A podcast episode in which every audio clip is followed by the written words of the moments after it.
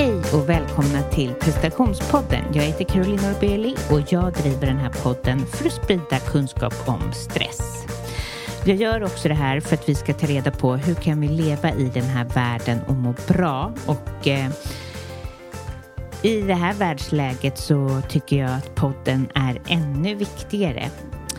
Eh, gillar du podden så är det jätteviktigt att du går in på din podcasterapp och skriver en recension eller eh, lämnar fem stjärnor eller skriver på Instagram vad du tycker om den, tagga mig eller dela med någon annan. Jag blir jättetacksam och podden kan fortsätta. Är du intresserad av mitt nyhetsbrev så gå in på carolinorbeli.com och där får ni de bästa tipsen från mina gäster. Hoppas att det är bra med er. Jag är hemkommen från skidåkning och jag, ehm, ja, jag har hamnat nog lite i den här energin av hur jobbigt det är med det här kriget faktiskt. Jag vet inte hur kul jag är att lyssna på idag. Äh, men det är ju jobbigt att, eh, att ta in och det är jobbigt att veta om man kan vara glad även fast det är som det är. Och jag vet ju i samma sväng som jag säger det här att det är klart att man kan och man måste vara och vi måste ta hand om varandra. Och det jag eh, skrev om på Instagram häromdagen är att jag tror att vi utsätts för overload. Vi har redan otroligt mycket i våra eh, liv och nu så har vi även fått den här katastrofen att härbärgera och jag vill bara påminna, jag pratade om det här förra gången, men påminna, är påminna, för att ni som lyssnar har kanske varit utbrända och det är så viktigt att ta hand om sig själv. Stäng av medier, men också kanske jobba snällare. Stäng av eh, eh, mejl och så. Ge dig själv stunder av bara återhämtning. Det är superviktigt nu att du håller, för det måste vi göra. Oh, jag reflekterar så mycket, och, eller jag vet inte om det här är konstigt, att men jag drar parallellen faktiskt. Jag tänker på så mycket på dem i Ukraina och hur det ska bli och hur det blir för dem och de får lämna varandra och jag har ju sån separationsångest så att det är det är hemskt tycker jag när man läser om när man får säga hej då till varandra. Det är så omänskligt. Och eh, jag eh, ja, jag tänker lite parallellt till hur jag själv faktiskt har växt upp, höll jag på att säga. Nej, men min släkt är ju från Finland och en gång så, så, så krigade de mot Ryssland, eller Ryssland krigade mot Finland och eh, och det blev ju så tufft och det är ju många i min släkt som har dött och jag har träffat folk som har bara haft ett ben och ah, vi har tyvärr inte haft så jättemycket kontakt med min finska släkt men jag var på en begravning som jag tidigare har pratat om för det var så overwhelming för mig att se um, att shit, deras historia påverkat mig jättemycket. Jag menar den min mamma är idag, det är ju påverkat av det, det kriget. Det var ju superfattigt och de fick flytta till Sverige och allt vad det innebar för henne att att anpassa sig hit och så. Och jag tänker på alla i Ukraina, eller alla, men de som blir tvungna att fly och som har ett bagage och hur det är och liksom mot sin vilja bo någon annanstans. Ja, det är mycket. Och jag hoppas att vi kan fortsätta med den här kärleken som vi ger till Ukraina nu. Att det kan fortsätta när de ska in integreras i samhället och att vi står här med öppna hjärtan. Och det var så bra en så härlig kund som sa till mig att vi måste ta hand om varandra, ta hand om oss nu så vi klarar av att ta hand om dem när de kommer så att vi inte är helt slut. Och det tar jag verkligen till mig. Um, ja, visst är det spännande eller jag vet inte, men jag tycker det är spännande hur vad är det i släkten som har gett som har skapat det som jag har nu. Alltså det är så mycket som små pusselbitar och ett krig är ju inte ett litet pusselbit utan väldigt stort. Och ja, jag blir lite extra berörd av den tanken när man kan dra lite paralleller så. Så jag ska i alla fall försöka ta hand om mig själv så bra så när, när det behövs hjälp från min sida så ska de få det. Och det har jag ju också tänkt med prestationspodden här. Jag har ju möjlighet att göra en insamling till Unicefs barn.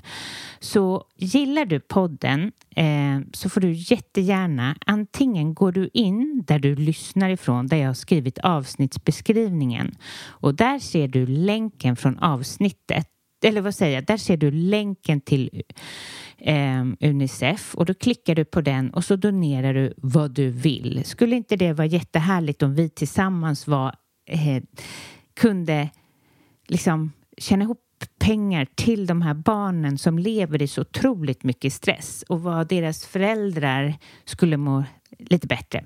All, jag menar många bäckar små och eh, gör det eller gå in på Caroline Norbeli coaching och där kan du gå till min profil och där kommer jag lä lagt länken också. Jag hade faktiskt tanke på att ni inte överhuvudtaget skulle få lyssna till prestationspodden om ni inte donerade en viss summa. Men det gick inte riktigt att lösa snå och jag orkar inte vänta på att den tekniken ska infinna sig. Så eh, gör gärna det. Det skulle ju vara jätteroligt att göra det här tillsammans. Eh, just nu har jag fullt i min coaching och det fortsätter ett par veckor framåt. Eh, däremot så finns det en plats eller två kvar på mitt yogaretreat den 25 till 28. Och är du intresserad av det så får du gärna gå in på carolinnorbeli.com och lämna en eh, intresseanmälan helt enkelt. Du är så välkommen att hänga med på världens härligaste resa. I det här avsnittet har jag intervjuat Katarina Blom. Hon är psykolog och en superhärlig sån. Jag får sån energi av att träffa henne. Det här är andra gången hon gästar podden och den här gången pratar vi om hennes bok. Hon är författare och hon är även föreläsare och har gjort eh, jättebra TEDx och eh, ja, ni har mycket att hämta där. Men hur som helst så hennes bok Tillsammanseffekten som vi pratar om, den lottar jag ut. Så det ni gör är att ni går in och prenumererar på mitt eh, nyhetsbrev om ni inte redan har gjort det och sen skriver ett mejl till mig, caroline.prestationspodden.se och skriver varför just du behöver den här boken. Det är två exemplar som lottas ut. Och ja, så lyssna till Katarina Blom. Ever catch yourself eating the same flavorless dinner three days in a row? Dreaming of something better? Well, HelloFresh is your guilt-free dream come true, baby. It's me, Gigi Palmer. Let's wake up those taste buds with hot, juicy pecan-crusted chicken or garlic butter shrimp scampi. Mm. Hello Fresh. Stop dreaming of all the delicious possibilities and dig in at HelloFresh.com. Let's get this dinner party started. Hey, it's Ryan Reynolds, and I'm here with Keith, co star of my upcoming film, If, only in theaters, May 17th. Do you want to tell people the big news? All right, I'll do it. Sign up now and you'll get unlimited for $15 a month in six months of Paramount Plus Essential Plan on us. Mintmobile.com slash switch. Upfront payment of $45 equivalent to $15 per month. Unlimited over 40 gigabytes per month. Face lower speeds. Videos at 480p. Active Mint customers by 531.24 get six months of Paramount Plus Essential Plan. Auto renews after six months. Offer ends May 31st, 2024. Separate Paramount Plus registration required. Terms and conditions apply if rated PG. Planning for your next trip? Elevate your travel style with Quince. Quince has all the jet setting essentials you'll want for your next getaway, like European linen, premium luggage options, buttery soft Italian leather bags, and so much more. And is all priced at 50 to 80% less than similar brands. Plus, Quince only works with factories that use safe and ethical manufacturing practices. Pack your bags with high-quality essentials you'll be wearing for vacations to come with Quince. Go to quince.com/pack for free shipping and 365-day returns. Since 2013, Bombas has donated over 100 million socks, underwear, and t-shirts to those facing homelessness If we counted those on air, this ad would last over 1,157 days. But if we counted the time it takes to make a donation possible, it would take just a few clicks. Because every time you make a purchase, Bombas donates an item to someone who needs it. Go to bombas.com slash ACAST and use code ACAST for 20% off your first purchase. That's bombas.com slash ACAST, code ACAST.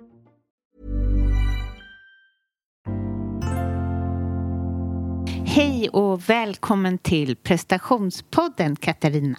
Tack. Ha, hur har din dag varit hittills? Åh, det har varit en sån här klassisk mammaledig dag idag. Och så inte alla dagar, men idag har jag haft en sån dag och hängt på fik med kompis med bebisar. Och, Åh, ja. Gud vad mjukt och Ja, härligt. ja, men det var faktiskt jättemysigt. Ja. Ja. Eh, jag tänkte så här, hur, hur började egentligen eh, din resa? Alltså hur, du, ja, jag förstår ju, du har ju varit med i podden innan Mm. och jag vet inte om det är samma människor som lyssnar till podden fortfarande. Mm, men eh, ehm, jag vet att du till exempel har gjort ett TEDx. Och, ja, hur, hur, kom, hur startade det för dig allting? Ehm, åh, men ja, det är ju länge sedan egentligen.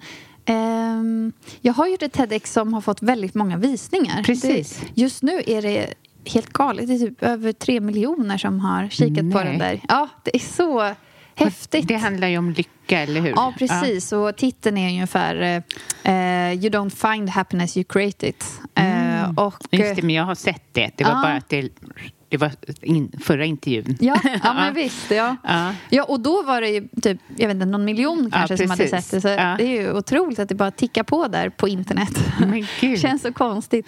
Och så Ja. går man på i sitt vanliga liv. Men, eh, nej, men jag har ju föreläst Och byter väldigt... blöjor. Ja, exakt. Och byter blöjor samtidigt. Verkligen. Eh, nej, men jag har föreläst väldigt länge. Eh, innan jag blev psykolog och bara medan jag pluggade psykologi så började jag föreläsa om psykologi och om positiv psykologi allra mest. Ja. Eh, Så det är ju ja, det är kanske 15 år sedan jag började föreläsa. Eh, Och det här TEDxet gjorde jag bara för ett par år sedan. Eh, Jag faktiskt tänkte på det igår just att det är verkligen eh, m- liksom, man gnetar på i sin vardag och sen så plötsligt så får man en sån där chans att stå Ja. på en sån där scen. Och Ja, så, men verkligen. ja, men det är ju verkligen inte någonting som bara eh, uppstod där och då utan det finns ju alltid långa svansar av, Ja. av att man har hållit på och intresserat sig för någonting precis som för dig också Ja. tänker jag. Att man liksom, Ja. ja. läser in sig och pratar med folk och eh, försöker lära sig och förstå och reflekterar och bygga kunskap helt enkelt. Ja, men då tycker jag att man kan gå in och se det när man har lyssnat klart på det här. För det är verkligen härligt. Du är jätteduktig på att föreläsa. Det är en gåva. Mm, vad roligt, tack. Ja, eh, är, är du inte rädd? Nej, Nej. det är så konstigt. Jag tycker själv det är konstigt att jag inte är mer Ja, rädd. det är jättekonstigt. Ja. Ja. Jag var väldigt eh, nervös när jag skulle göra TEDxen. Ja. Ska jag säga. Det kommer jag ihåg. Det var en sån här utstickare. Men annars så brukar jag inte vara nervös alls. Hm.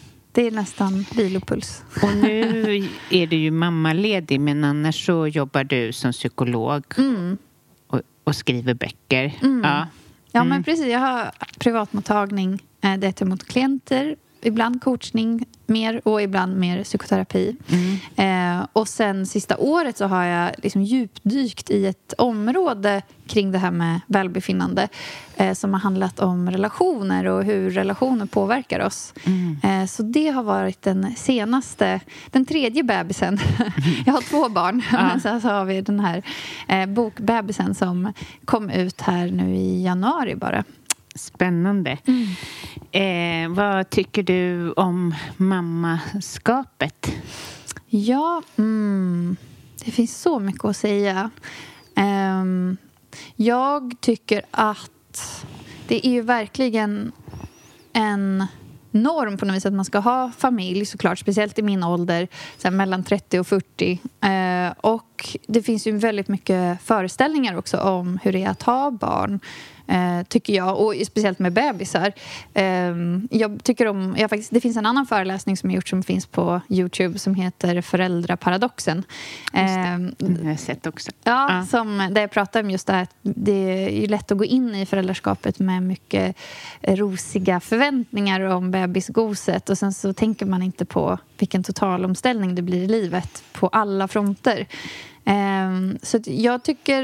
Jag, jag trivs med att prata om att, eh, ja, men liksom den kämpiga delen av att vara förälder och just hur kan man ta hand om sig själv trots att det är väldigt kanske små förutsättningar ja. att ta hand om sig själv. Jag älskade såklart att vara mamma till när mina barn var små. Mm. Eh, jag hade lyxen av att vara mellan jobb jag hade ingen karriär överhuvudtaget ja, eh, ja. så då, ja. just då. Och, eh, vilket gjorde att jag både inte njöt för att jag var rädd för vad jag skulle bli när jag blev stor. Mm. Och, men, men, men jag tyckte också att det var sjukt jobbigt att vara så där instängd. Alltså, ja. eh, jag njuter till fullo av min frihet nu. Bara, hej då, jag går på en promenad. och allt vad det kan vara. Så jag tycker att man får bara höra om folk som är så här går, går all in och tycker bara att det är så mysigt. Alltså, det är ju mm. mysigt men det är frihetskränkande. Ja. Absolut. Mm. Och jag tycker verkligen att du sätter fingret på något. Det är ju det här med autonomin som bara mm. försvinner ja.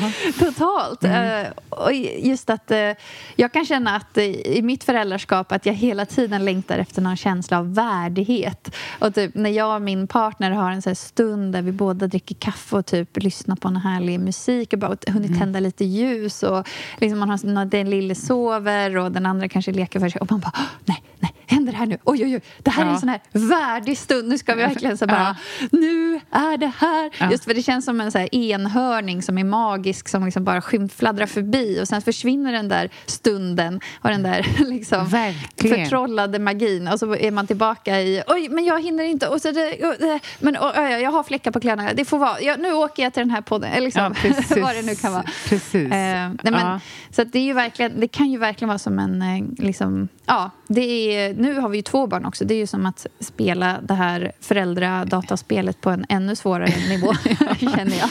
Ja, verkligen. Ja. Verkligen. Mm. Mm. Oh, gud, det där skulle man kunna prata ett helt avsnitt om. Jag vet. Jag tycker det... Ja, ja. Eh, men eh, då tänker jag, jag går direkt på liksom frågorna, för jag är så nyfiken över din nya bok och allting. Mm. Eh, hur, varför söker hjärnan enkla svar? Ja, ehm, ja men eh, vår hjärna är ju superbra på att försöka spara energi hela tiden. Mm. Eh, det är ju väldigt energikrävande organ eh, och den behöver verkligen vara smart och eh, strategisk och eh, ja, hitta genvägar. Så att eh, idag, vi, vi tar ju absolut inte in omgivningen objektivt utan har massa olika systematiska tankefel hela tiden som gör att det ja, verkligheten verkar lite mer svartvit och lite mindre komplicerad än vad den faktiskt är. Egentligen är den ju oändligt komplicerad varje stund, alltså all, inf all information. Mm. Men vår hjärna har lärt sig att bunta ihop olika informationsbitar på det här sättet så känns det lite tryggare, lite mer sammanhängande och lite mer att det finns mönster i, i liksom vardagen. Ja. Är det därför det är jobbigt med någon som sticker ut? Som... Ja. ja. det tror jag absolut. Eller det, kan, man kan, det finns till exempel ett sånt här systematiskt tankefel som heter deviation bias, alltså avvikelsebias. Eller ja, en, mm. en, ett sånt där eh, utstickande, avvik, allt som är avvikande är eh, någonting som ska dra till sig vår uppmärksamhet.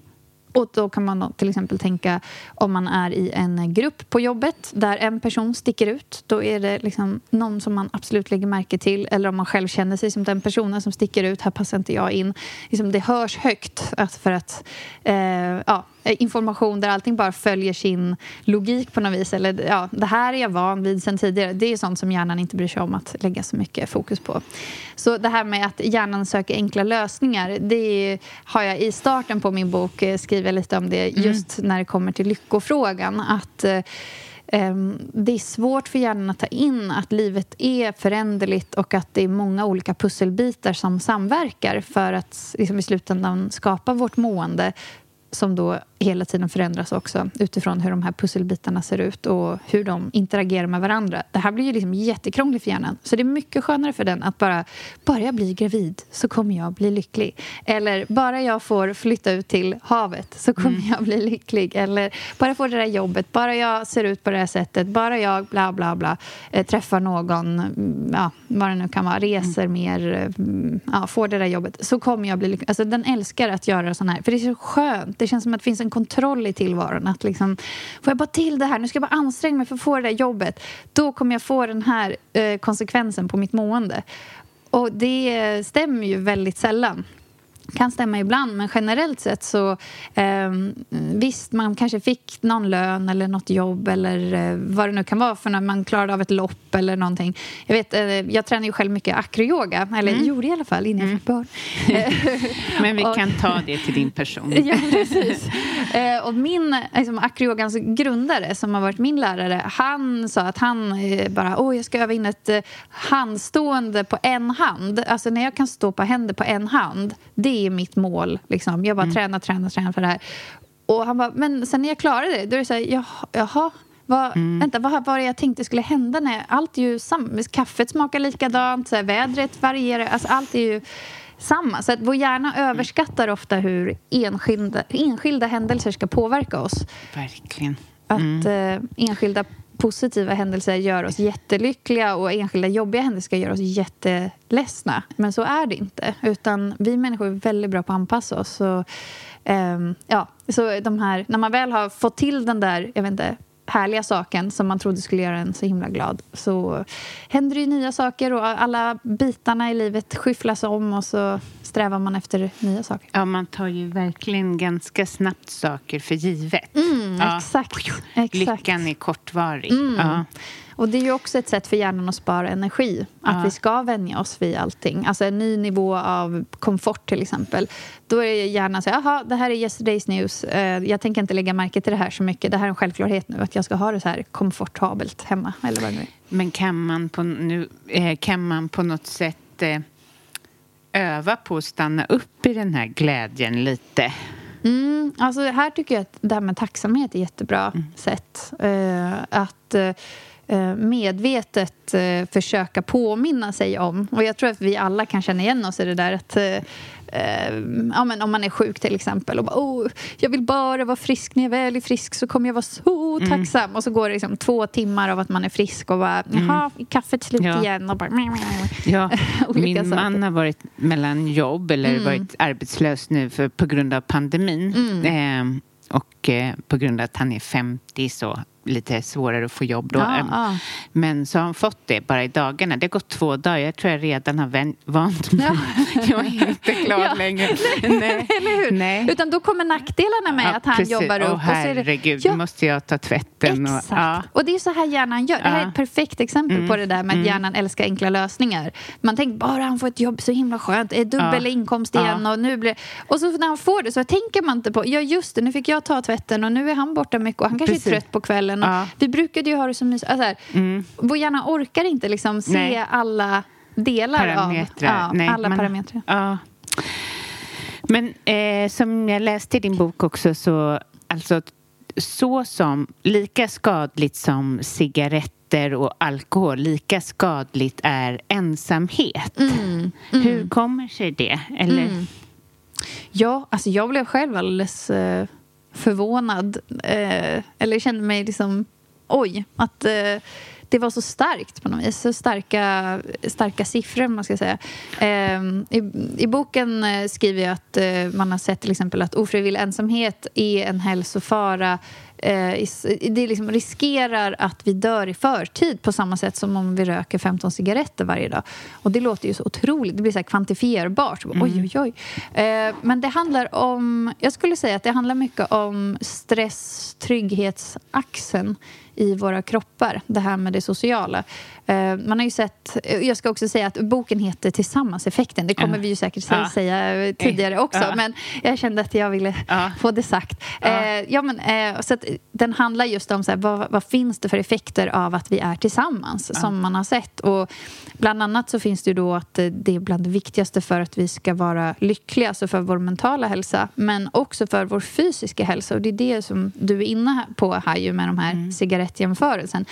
Ehm, så att det är så stark påverkan på vår hälsa handlar helt enkelt om att när vi inte är i relationer som vi trivs i, alltså att det är konfliktfyllda relationer eller att vi är ensamma, så innebär det ett stresspåslag för oss. Just det här med ensamheten kan vara ett lågmält stresspåslag som liksom pågår över lång tid vilket såklart inte är hälsosamt för kroppen. Stress, det här vet ju verkligen du, men jag tänker stress mm. är ju sån eh, stark kraft för oss. Alltså det, eh, det har global påverkan. Det påverkar kroppens alla system. Det är inte som att när vi är stressade så börjar hjärtat pumpa fortare, men det är isolerat till hjärtat. Utan tankeverksamhet påverkas, hur vi beter oss mot varandra påverkas, matsmältning, alltså alla hormonsystem. Allt, allt, allt i kroppen bara drrrt, genomsyras av den här stressen. Eh, så när man eh, inte trivs i sina relationer antingen på grund av att de är då konfliktfyllda eller att man, jag kan inte vara mig själv i dem, jag känner mig otrygg när jag är med andra människor eller att jag är ensam så får vi det här stresspåslaget. Helt enkelt för att det var en viktig signal för oss när, ja, för länge sedan när vi var på savannen. Det här eh, evolutionära argumenten. Ja. Att det skulle liksom vara en stark signal till oss att vi behöver ordna upp det här. Vi, kan in, vi ska inte trivas i relationer som inte är bra för oss utan vi behöver eh, ordna det. Liksom. Och jag tänker att Sverige... Jag har just varit i Italien förra veckan. Det är väldigt man är liksom sedd, inte bara av killarna utan av kvinnorna och mm. av hela tiden. Man känner någon slags energi och jag mm. tittade på dem när de pratade. Det, är så här, det var ju samtidigt som jag läste din bok också. Det är ju som att de är så intens med mm. varandra. Det är, mm. De är så närvarande så att det mm. går liksom inte att missa. Man ser inga, direkt inga mobiler som fladdrar runt där mm. utan de har ju verkligen de här underbara samtal. Jag vet ju inte vad de säger men det ser härligt ut att vi svenskar, ja, men jag vet inte, jag känner att eh, man känner, jag känner mig lite ensam i Sverige om man jämför. Jag är mycket utomlands, hela min familj, eller halva min familj bor utomlands, Spanien mm. och England. Det är väldigt skillnad på hur man möts. Mm, alltså, mm. Så jag älskar typ när grannarna när vi blir vänner och liksom man börjar här, säga saker till varandra. Jag avskyr den här att det är så anonymt. Ja, ja. Och så lyssnade jag till Yoga Girl och hennes man som har flyttat hit till Sverige nu och han sa I miss the people. Man bara, åh nej. ja, för ja. att allt, mycket är ju automatiserat mm. med bank-id mm. och vilket jag älskar bank-id men, mm. ja, men du förstår vad jag ja, menar. Ja, absolut. Det är det här småpratet ja. som eh, lite mm. har rationaliserats bort eller effektiviserats bort. Ja, absolut. Jag själv halva min familj bor i Italien. Och som Jaha, jag, vad roligt. Ja, eh, och jag skriver lite om det, pratat med pappa om just hur han upplever skillnader från att bo i Sverige och bo i Italien. Och han säger just det att eh, i Italien det är så otroligt många här, tunna band. Ja. Eh, att, ja. eh, eh i, Sverige så är vi väldigt bra på de här eh, nära banden. Och han menar att i Italien har man ett fåtal tjocka band, alltså familjen eller ja. liksom, några vänner eller någon kollega. Liksom ett fåtal tjocka band som är dödligt lojal med. Men sen har man tusen tunna band. Att man ska heja på den här och man ska heja på den här, man ska småprata med den här. Och man vet alla butiksägare och, ja. eh, och att han tycker att det är som att de här tunna banden, det är liksom som Italiens blodomlopp. Ja. Det är som, eh, ja. ja. hela samhället lever på de här tunna banden eh, och att man har några då tjocka band. Eh, ja, för vi har ju väldigt mycket tjocka band. Mm, ja, men eh, jag tror att vi har en sån... Eh, liksom att man, man kanske inte har liksom, jättemånga såna här nära, nära, utan man har några stycken. Men just det här småpratet, ja. det är som att vi är lite jag vet inte, lite blyga. Eller, man är lite rädd att man ska få störa andra om man småpratar med dem. Ja.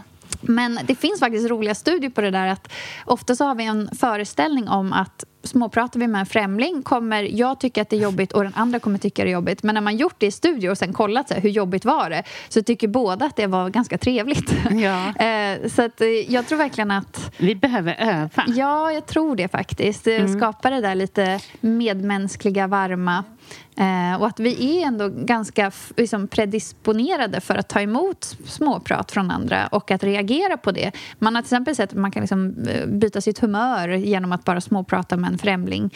Eh, ja. Och det här med tunna band, som i boken beskrivs som... Eh, man har forskat på det ganska nyligen, att eh, det är återkommande relationer men de är ytliga. Det är som grannar eller eh, där man hämtar ut liksom, paket på kiosken eller ehm, arbetskollegor kollegor som man har lite koll på. Du har typ såna här barn, liksom, men man vet egentligen, man känner inte varandra jättenära. Eh, men det är också viktigt för oss, för vår känsla av tillhörighet och förankring i tillvaron, att vi har såna här tunna band.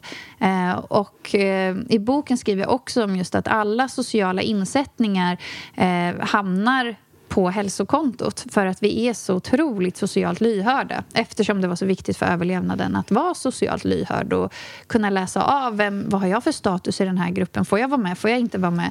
Och får vi inte vara med, då översätts det direkt till ett stresspåslag. Och får vi vara med och vi känner oss accepterade så översätts det direkt till ett sånt trygghetspåslag som är hälsofrämjande både mentalt och fysiskt. Men det är därför jag tänker när man går där på gatorna i Italien så känner man att man får vara med.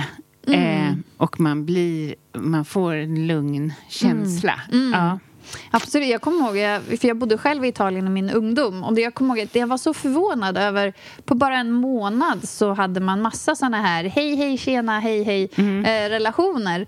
Eh, att också hur städerna ser ut, att de är mer socialt eh, byggda med mycket torg och mycket trappor man kan sitta på eller bänkar eller parker. Det känns som att eh, de har verkligen, och mycket kyrkor såklart, att det är som arkitekturen, landskapet är också för att vi ska kunna mötas mötas. Verkligen. Ja. Men eh, negativa relationer då, som en mm. jobbig granne, vad, vad mm. skapar det? jobbig granne, ja. ja. ja eh, det är ju stressande eh, för oss när vi inte känner oss trygga i en relation. Och jag skulle säga att det mest, alltså det mest hälsosamma tecknet eller vad ska man säga, tecknet på att vi är i en hälsosam relation det skulle jag säga, om jag ska bara säga en sak, är att det är tillit. Och då motsatsen för otrygga relationer, att vi har brist på tillit. Jag kan inte lita på dig. Jag vet inte när du kommer bli arg på mig, när du far ut på mig. Det finns ingen systematik i liksom, att du alltid blir arg på att jag sätter i diskmaskinen fel, för att ta ett lite fånigt exempel. Ja, eh, sånt händer ju. Ja, och om det ja. finns ändå en regelbundenhet i det kan det skapa lite trygghet. Men om relationen är att ibland älskar du mig, ibland så får jag en utskällning och jag förstår inte riktigt när, hur hänger det här mm. ihop? Det, det, det byter hela tiden vad det som är fel med mig eller som triggar dig. Eller, ja, det blir ju enormt eh, otryggt för oss. Och eh, just när det är otrygga relationer så är inte det någonting som man bara skakar av sig som man, eh, någonting som händer i periferin utan det går direkt in, liksom, det, det rankas väldigt högt i eh, prioritet mm. hos hjärnan kan man säga. Så till exempel har man sett att eh, bara vi får en ohövlig kommentar på jobbet. Alltså det är ju inte ens en nära relation och det är inte en stor överträdelse. Det är som en liten ohövlig sak, någonting lite otrevligt som sägs till oss.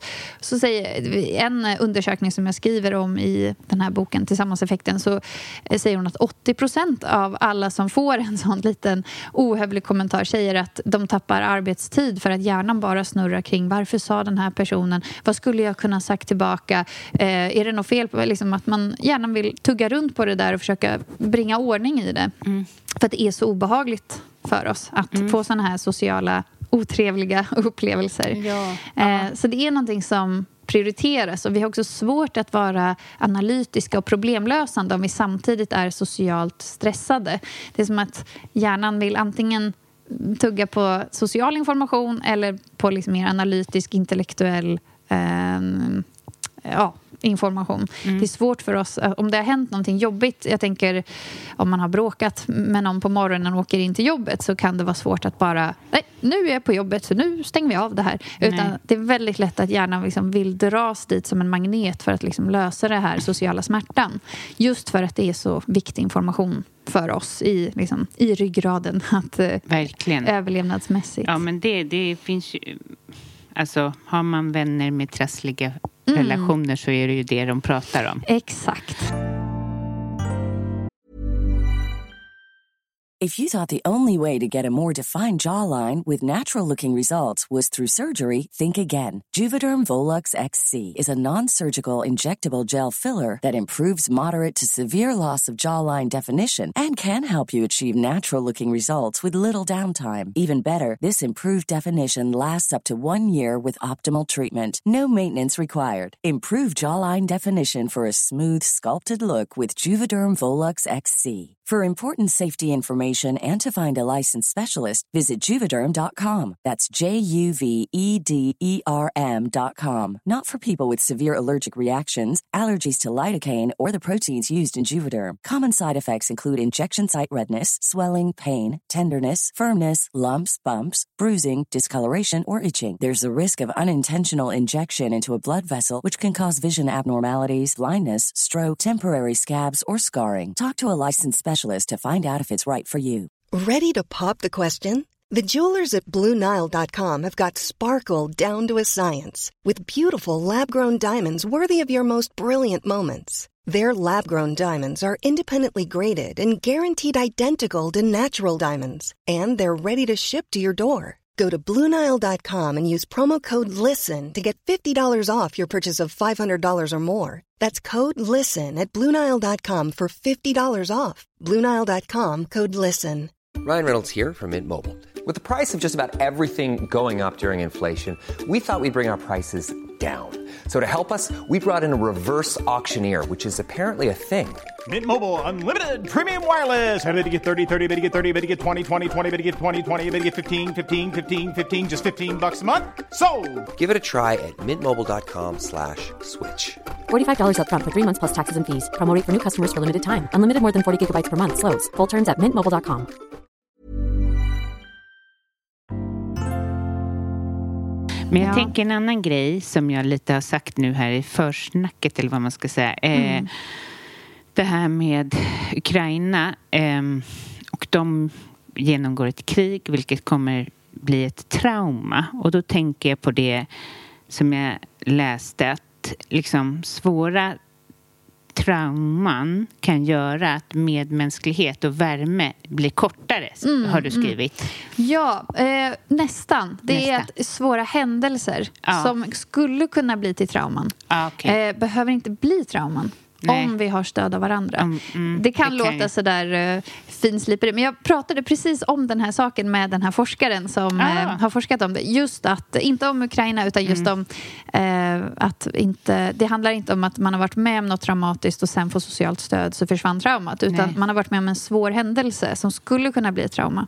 Och då om man får tidigt, snabbt socialt stöd från sitt nätverk, alltså vänner, familj, bekanta, kollegor, så har man kunnat se dramatiska liksom, skyddseffekter, att man aldrig behövde utveckla ett trauma. Som en skilsmässa till Ja, exempel. precis. Ja. Ja, och i boken så intervjuar jag Malin Sävstam som förlorade nästan hela sin familj. Hon fick ha en son, överlevde, och hon Mm. överlevde tsunamin eh, 2004 i Thailand. Och eh, hon beskrev också hur liksom, eh, hennes eh, kollegor, vänner, bekanta, eh, den förlängda familjen, hur alla slöt upp runt om henne och att det var ett väldigt viktig pusselbit i att kunna eh, överleva med hela den svåra händelsen. Ja, ja men, ja, men så är det verkligen. Och, ja, men jag tänker också så här, eller ja, som jag tidigare sagt i det här avsnittet då innan, men att de, de genomgår massa nu och vi håller på att ge stöd och alltså så. Men att stödet behöver finnas över tid för de kommer vara så traumatiserade att vi behöver hjälpa dem och, när de kanske kommer till Sverige och bräckliga. Att vi finns där med kärlek och trygghet eller så, om vi kan vara så. Ja, men visst. Och, Ja. ehm, ofta inom forskning kring hur man kan stötta varandra i svåra lägen Mm. så brukar man dela in stödet i tre kategorier. Att vi behöver eh, det här känslomässiga stödet. Att eh, liksom, jag finns här som en medmänniska och jag bryr mig om hur du har det och jag ser att det här är tufft för dig och Mm. eh, jag eh, önskar att jag kunde liksom göra gott för dig eller att Mm. jag vill liksom kunna visa dig värme i allt det här svåra. Mm. Det är som ett känslomässigt stöd där man kanske pratar om det som är svårt och, och bara lyssnar och finns där och, och visar att eh, jag vill, jag vill liksom stå nära dig i den här svåra händelsen. Du är inte ensam om det här. Även om jag inte kan lösa det så, så är du inte ensam om det. Så det var en kategori. Och sen en annan kategori handlar mer om praktiskt stöd. Och så, ja, du behöver vinterskor. Ja, du behöver mat på bordet. Eh, ja, här kommer påsar med lasagne. Eh, exempelvis. Och sen fanns det också rådgivande stöd eller informativt stöd. Att eh, det kan handla om eh, kunskap helt enkelt. Att eh, man inte vet hur... hur Sverige fungerar. Ja, hur fyller jag i den här blanketten? Eller eh, ja, hur funkar systemet här? Eh, och att man helt enkelt informerar och berättar. Så här gör man här. Eller trycker du på den här eh, knappen på den här apparaten så funkar det på det här viset. Eller vad det nu kan vara. Att man, att man kommer med information. Så... ehm, alla de här stöden är hjälpsamma, men framför allt i olika lägen. Och där är det jättebra att bara fråga alltså vad personen själv skulle vilja ha för typ av stöd. För det kan vara lätt att man kanske tänker att alla vill eh, prata om det som har varit svårt, att det är det som är det viktigaste. Eh, Men så behöver det verkligen inte vara, utan eh, det kan vara bra att låta personen få styra själv. Alltså, vad skulle du behöva från mig mest? Vill du laga mat eller handla åt dig eller ska vi prata om någonting? Eller, ehm, så. Vill du komma ut på promenad och att vi bara gör något trevligt tillsammans? Ehm, men av de här olika, så vissa studier menar att eh, de funkar bäst i liksom specifika situationer. Alltså när man har ett praktiskt problem så kanske man eh, behöver mer rådgivande stöd eller eh, det här praktiska stödet. Kanske inte så mycket känslomässigt stöd. Eh, men här, man såg också att det här känslomässiga stödet var ju ofta bra i väldigt många lägen. Ja. Att eh, det var som en så bred ingång. Eh, Men sen är det ändå bra att låta personen bestämma själv. Ja, för det är ju fruktansvärt irriterande och det kan ju ses som en manlig grej, fast man kanske inte får säga så. Men just den här lösningsorienterande, när man bara vill säga hur det är. Och det är ju väldigt läskigt att bara stå i, bara säga okej, du har genomgått ett krig eller du har genomgått en skilsmässa och det enda jag är, är här och lyssnar och ger det här rum. Det är ju jätte... Det krävs ju någon liksom för att våga det. Ja, ja. men det är klart att det kan vara obehagligt att se Ja. någon må dåligt Ja. och låta den må lite dåligt för att hinna känna vad den känner ungefär Precis. innan man börjar här, lösa saker och Servera. ting. Ja. Ja. Men, eh, men ibland ja, kan det vara lika bra att bara komma ut på promenad eller göra någonting trevligt och roligt. Och, eh, man får vara lite flexibel där och gå efter personens behov skulle jag säga. Ja, men jag tänker om man mår dåligt själv i den här krisen nu som vi är i. Ehm, vad tycker du, vad ska man göra? Alltså, vad tycker du själv om det här? Känner du dig påverkad? Ja, man blir ju rädd och det är lätt att få orostankar, tycker jag. Ehm, och eh, också när man umgås med andra att det är lätt att liksom, man börjar prata om det och att byter information med varandra och såg ni det där och hörde ni det där. Och det kan ju bli ehm, liksom, tungt. Ehm, och det, det är ju rätt, det är ju korrekt. Alltså, det är ju en tung situation. Så. Ehm, och det kan vara skönt att få stöta och blöta med andra så man inte känner sig ensam i det. Men det kan också bli för mycket såklart att man behöver liksom sätta punkt eftersom det är en olöslig situation för mig som individ. Eh, så eh, ofta det här med oro kommer just vid olösliga problem. Eh, saker som är som väcker obehagliga känslor och då vill hjärnan försöka hitta en lösning på att jag ska slippa ha de här obehagliga känslorna. Men om situationen är liksom, den är ju omöjlig att lösa för oss. För oss. Ehm, Så då gäller det att kanske ha ett litet metaperspektiv på sig själv, på sina tankar och sina jobbiga känslor, eller o- o- obekväma känslor kanske man ska säga. Mm. Ja, så att- Verkligen. Och så kan man ju säga att man kan försöka ha det så bra nu så att man kan sen vara ett stöd till att man kanske... Man kan vara ett stöd till andra runt omkring men också om vi får möjlighet att träffa någon från Ukraina Mm. eller så. Att Mm. man försöker ändå ha det bra. För det är Mm. nästan som man får lite dåligt samvete. Mm, mm, absolut. Hur bra har vi det liksom? Ja, ja. Mm. Nej, men, och jag tycker verkligen du sätter fingret på en viktig grej där. Att, eh, eh, ja, men dels så tror jag att eh, det är bra att vi känner saker. Det betyder att vi är levande medmänniskor. Eh, och sen är det väl det här att vi ändå behöver hålla en viss struktur i vår egen vardag och må bra för oss själva och för dem i vår absoluta närhet. Att vi behöver fortfarande fungera i vår, liksom, och kunna gå till jobbet och göra våra tjänster och ta hand om oss och ha roligt och alltihopa för att ha kraft att också orka ta in det här jobbig information, att, man, att hålla sig uppdaterad.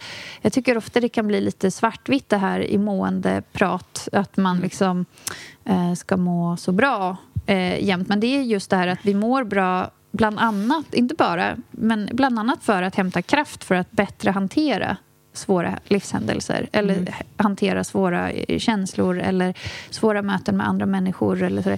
Jätteviktigt att vi hela tiden tankar på eh, oss själva eller hittar små stunder av glädje Ja. Och avkoppling. och Ja. avkoppling. Mm. Exakt, slappna av, få varva ner.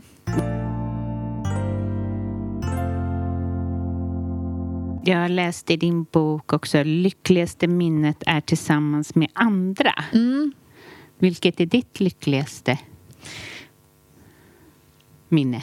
Ja, eh, jag gör ju den här övningen ganska ofta eh, med grupper av människor. eh, just för att visa att vi ofta har en föreställning om att våra lyckligaste minnen kanske är kopplat till individuella prestationer. Men det man har sett i forskning är att vi, våra lyckligaste minnen är oftast, inte alltid, men oftast tillsammans med andra människor. De är sociala minnen. Och eh, sist jag gjorde det här, det var bara här om veckan. Eh, då fick jag upp ett sån här typiskt vanligt minne, eller vad ska jag vanligt, men liksom så här vardagligt minne av att det är sommar. När vi spelar in det här är det februari, så jag säger något om vad jag längtar efter. Eh, sommar, badstrand med eh, vänner som också har barn och vi sitter och har picknick och barnen leker och man badar i vattnet och det är spännande och roligt och kul att se barn upptäckta, upptäcka hur man kan vara på stranden för första gången och plaska och sådär. Mm. Ja. Så gulligt. Ja, väldigt så här, rofylld, varm, varmt minne. Mm. Ja. ja, men eh, det är ju jättehärligt att prestationen, att du har märkt att prestationen inte ligger och det är det alla gör verkligen ehm, liksom kämpar och kämpar och kämpar för att prestera. Ja. Ja, alltså jag kan tycka när jag skrev den här... eh, jag nere på golvet här. Ja. att när jag skrev den här boken eh, så har det verkligen skiftat hela mitt perspektiv på lycka och välbefinnande. Eh, första boken som jag och Sara Hammarkrans skrev om lycka hette Lycka på fullt allvar. Och den har så där lite klassiskt eh, ja, ett antal strategier för hur man kan stärka sig själv. Eh, till exempel genom mindfulness eller optimism eller eh, motion eller relationer. Men den här boken är ju helt innördad på hur påverkas vi av vårt sociala universum? Hur påverkas vi av kollegor eller grannar eller att ha en partner eller barn? Eller, liksom, hur påverkas vi av att vi är så pass sociala som vi är?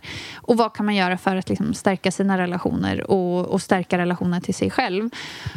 Och när jag har dykt in i den här forskningen så märker jag att det här med lycka, det är verkligen inte a one man show eller one woman show. Eh, utan jag tycker det är så galet, om jag får säga en helt liksom, egen sån åsikt eh, som inte är forskningsbaserad, att eh, vi lever i någon sorts samhälle med normen att eh, om du som individ kämpar tillräckligt hårt och gör tillräckligt smarta val, då kommer du lyckas och då kommer du känna dig nöjd med dig själv och du kommer ha en hög status i andras ögon.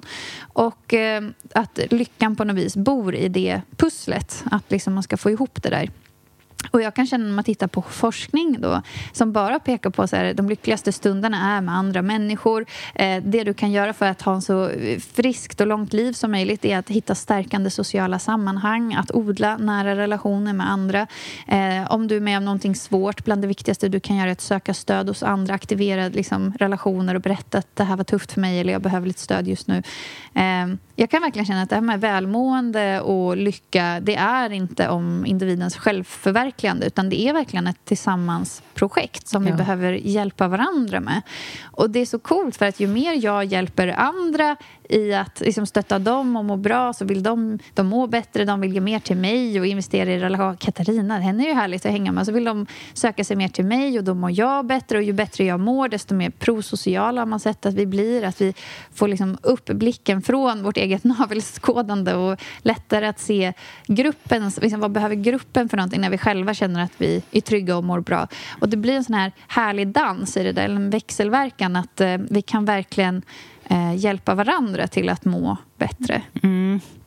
Så himla bra. Jo, så är det. Och ofta så här, folk som har gjort en, en karriär har ju of, ofta gett avkall på de personliga relationerna. Så när de sen kliver av så är det väldigt liksom ensamt. Mm.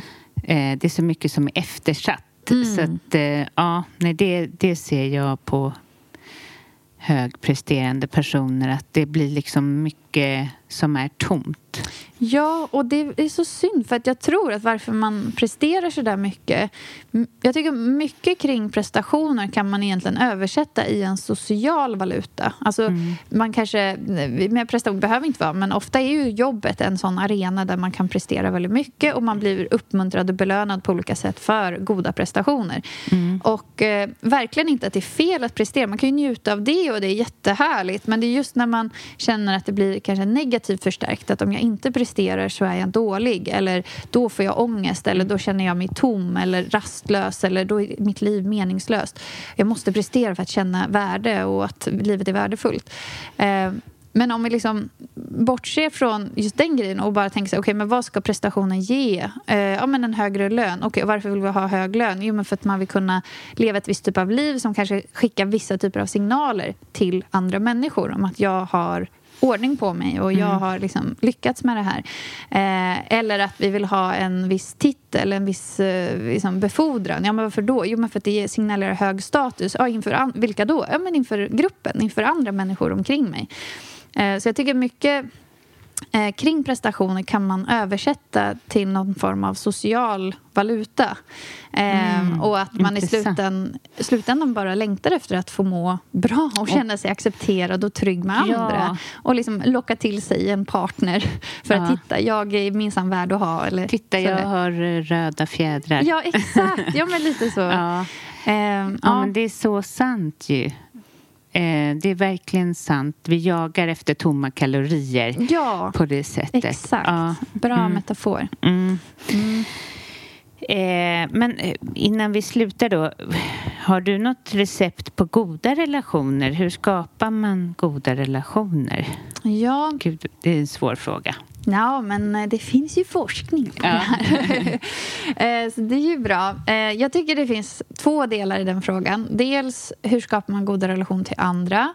Och då, ehm, och då har man sett till exempel att det finns vissa kvaliteter som kännetecknar det här som många människor skulle beskriva som en god relation mm. som man trivs i.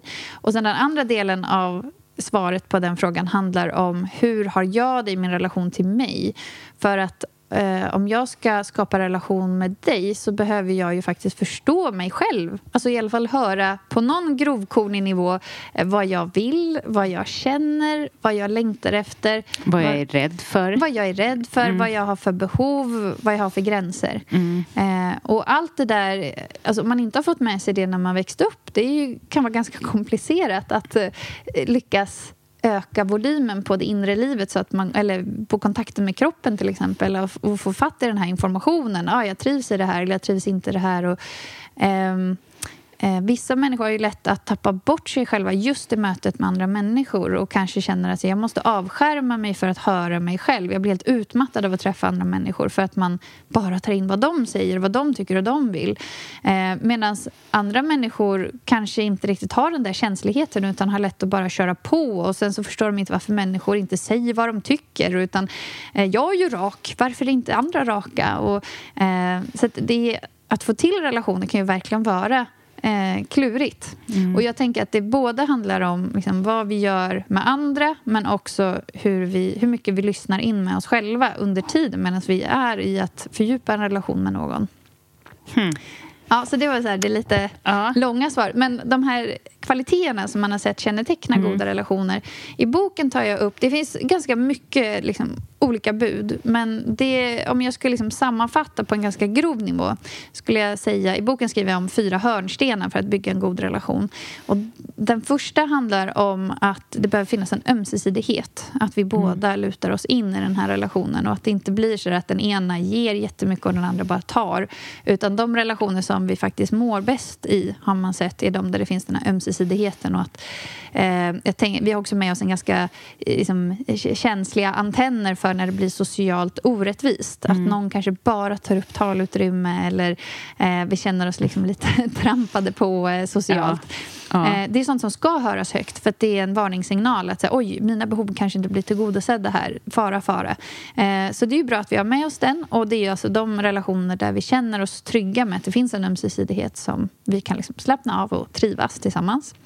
Och hörnsten nummer två handlar om att umgås. Att vi behöver också söka upp varandra gång på gång på gång för att liksom gnugga oss mot varandra mentalt och känslomässigt för att hinna bygga de här banden. Det finns en forskare som menar att det krävs ungefär 200 timmar av liksom härligt umgänge innan vi betraktar någon som en nära vän. Och då ska de gärna infalla under ett par månader, alltså inte över flera år.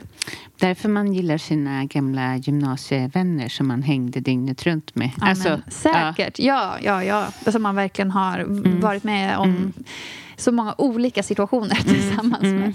Mm. Ja, nej, men, eh, så att, eh, den handlar mest om att vi ska båda prioritera varandra ungefär lika mycket och söka upp varandra och stoppa in de här timmarna. Liksom, att vi behöver umgås för att överhuvudtaget liksom, skapa en relation. Och sen eh, det hörnsten nummer tre handlar om eh, vad gör vi när vi umgås då? Vi har det här ömsesidiga, vi vet båda om att vi vill liksom, spendera tid tillsammans. De har sett det är viktigt att vi, tri- liksom, att vi har roligt ihop. Att, vi, att det uppstår positiva känslor i mötet mellan oss. Att det är som någon sorts klister som hjälper oss att söka söka oss till varandra om och om igen. Så det kan vara vad man hittar på för aktiviteter eller vad man väljer att prata om. Men eh, de som beskriver så här, åh, en riktigt bra vän, det är någon som jag kan skratta med eller njuta eh, av livet tillsammans med eller uppleva härliga eh, stunder tillsammans med. Och sen har vi då nummer fyra som handlar om när vi vill kanske fördjupa en relation med någon eh, så har man sett att det här med sårbarhet och lyhördhet är viktigt. Så det är som en, eh, två kvaliteter som behöver samverka för att man ska få till den här fördjupningen. För ehm, då till exempel om en person är sårbar men jag märker att det landar inte riktigt hos dig. Du kanske bara byter ämne så fort och blir lite nervös när jag öppnar upp och är sårbar. Då, har vi inte, då har inte sårbarheten tagits emot av den här lyhördheten utan eh, då kommer det nog inte ske någon fördjupning. Medan om jag är sårbar och jag märker att du tar emot det på ett lyhört sätt, alltså att du liksom ställer frågor så att du verkligen förstår vad är det jag säger och du bekräftar mig och du visar också omtanke för mig när jag står där i min sårbarhet. Eh, då eh, känner man, om man jag själv, när jag berättat om något sårbar känner att det här togs emot på ett lyhört sätt, då kan liksom, för, relationen fördjupas. Och ofta så kommer den här ömsesidigheten in, att när jag är lite sårbar så är det som en inbjudan till dig att också vara lite sårbar. Och så blir det liksom att vi dansar den där... Det, Så- ja, precis. Och det kan jag se på relationer som inte har funkat. Alltså i ens... Ja, behöver inte de som jag har sett i alla fall. inte mina kunder tänker jag inte på här nu. Men, ja. eh, nej, men det är ju människor som inte släpper in. Ja, Ja. ja. Nej, men det är svårt att fördjupa relationen när man bara halkar av den andra personen. Ja. Eh, och I boken skriver jag också lite om varför det är så olika. Att vissa människor är som öppna böcker. Man har ett första möte på ett mingel och de berättar om sina terapitimmar. Eh, eller att man eh, träffar någon person många gånger men de, det är som en liten osynlig sköld och det är sån otroligt stark integritet och man liksom knackar på och knackar på men man kommer inte in. Det där kan ju vara väldigt olika och i boken beskriver jag lite eh, hur det kommer sig att, att vi är så olika. Spännande. Ja. Åh nej, nu måste vi sluta. Jag skulle kunna prata länge. Mm. Men eh, tack för dina kloka, intressanta och allt det är så intressant att allting är forskningsbaserat också. Det är Ja, jättekul. Ja. Var ska, kan de hitta boken någonstans? Ja, men den finns överallt egentligen. På Bokus, Adlibris, ehm, eh, på min hemsida kommer den att finnas snart. Ja. Ehm, ja, och, eh, och i akademibokhandlar, alltså på, överallt där böcker finns skulle jag Och säga. din hemsida är? Katarinablom.com. Ja, Ja, Mm. och boken heter Tillsammans effekten. precis. Ja. Ja. Tack snälla för idag. Ja, tack snälla du. Mom deserves the best, and there's no better place to shop for Mother's Day than Whole Foods Market. They're your destination for unbeatable savings, from premium gifts to show-stopping flowers and irresistible desserts. Start by saving 33% with Prime on all body care and candles. Then get a 15-stem bunch of tulips for just $9.99 each with Prime. Round out Mom's menu with festive rosé, irresistible berry chantilly cake, and more special treats. Come celebrate Mother's Day at Whole Foods Market. Ever catch yourself eating the same flavorless dinner three days in a row? Dreaming of something better? Well, HelloFresh is your guilt-free dream come true, baby. It's me, Kiki Palmer. Let's wake up those taste buds with hot, juicy pecan-crusted chicken or garlic butter shrimp scampi. Mm. Hello Fresh. Stop dreaming of all the delicious possibilities and dig in at HelloFresh.com. Let's get this dinner party started. Mom deserves the best, and there's no better place to shop for Mother's Day than Whole Foods Market. They're your destination for unbeatable savings, from premium gifts to show-stopping flowers and irresistible desserts. Start by saving 33% with Prime on all body care and candles. Then get a 15-stem bunch of tulips for just $9.99 each with Prime. Round out Mom's menu with festive rosé, irresistible berry chantilly cake, and more special treats. Come celebrate Mother's Day at Whole Foods Market. Tack alla ni som lyssnar. Gå in och skänk pengar till Ukraina tycker jag. Det vore så härligt att hjälpa, hjälpas åt tillsammans. Tycker ni inte det? Eh, men i, i eh, huvudtaget höll jag på att säga så hoppas jag att ni får en jättebra vecka. Ta hand om er själv lite extra. Ha det bra. Hej hej!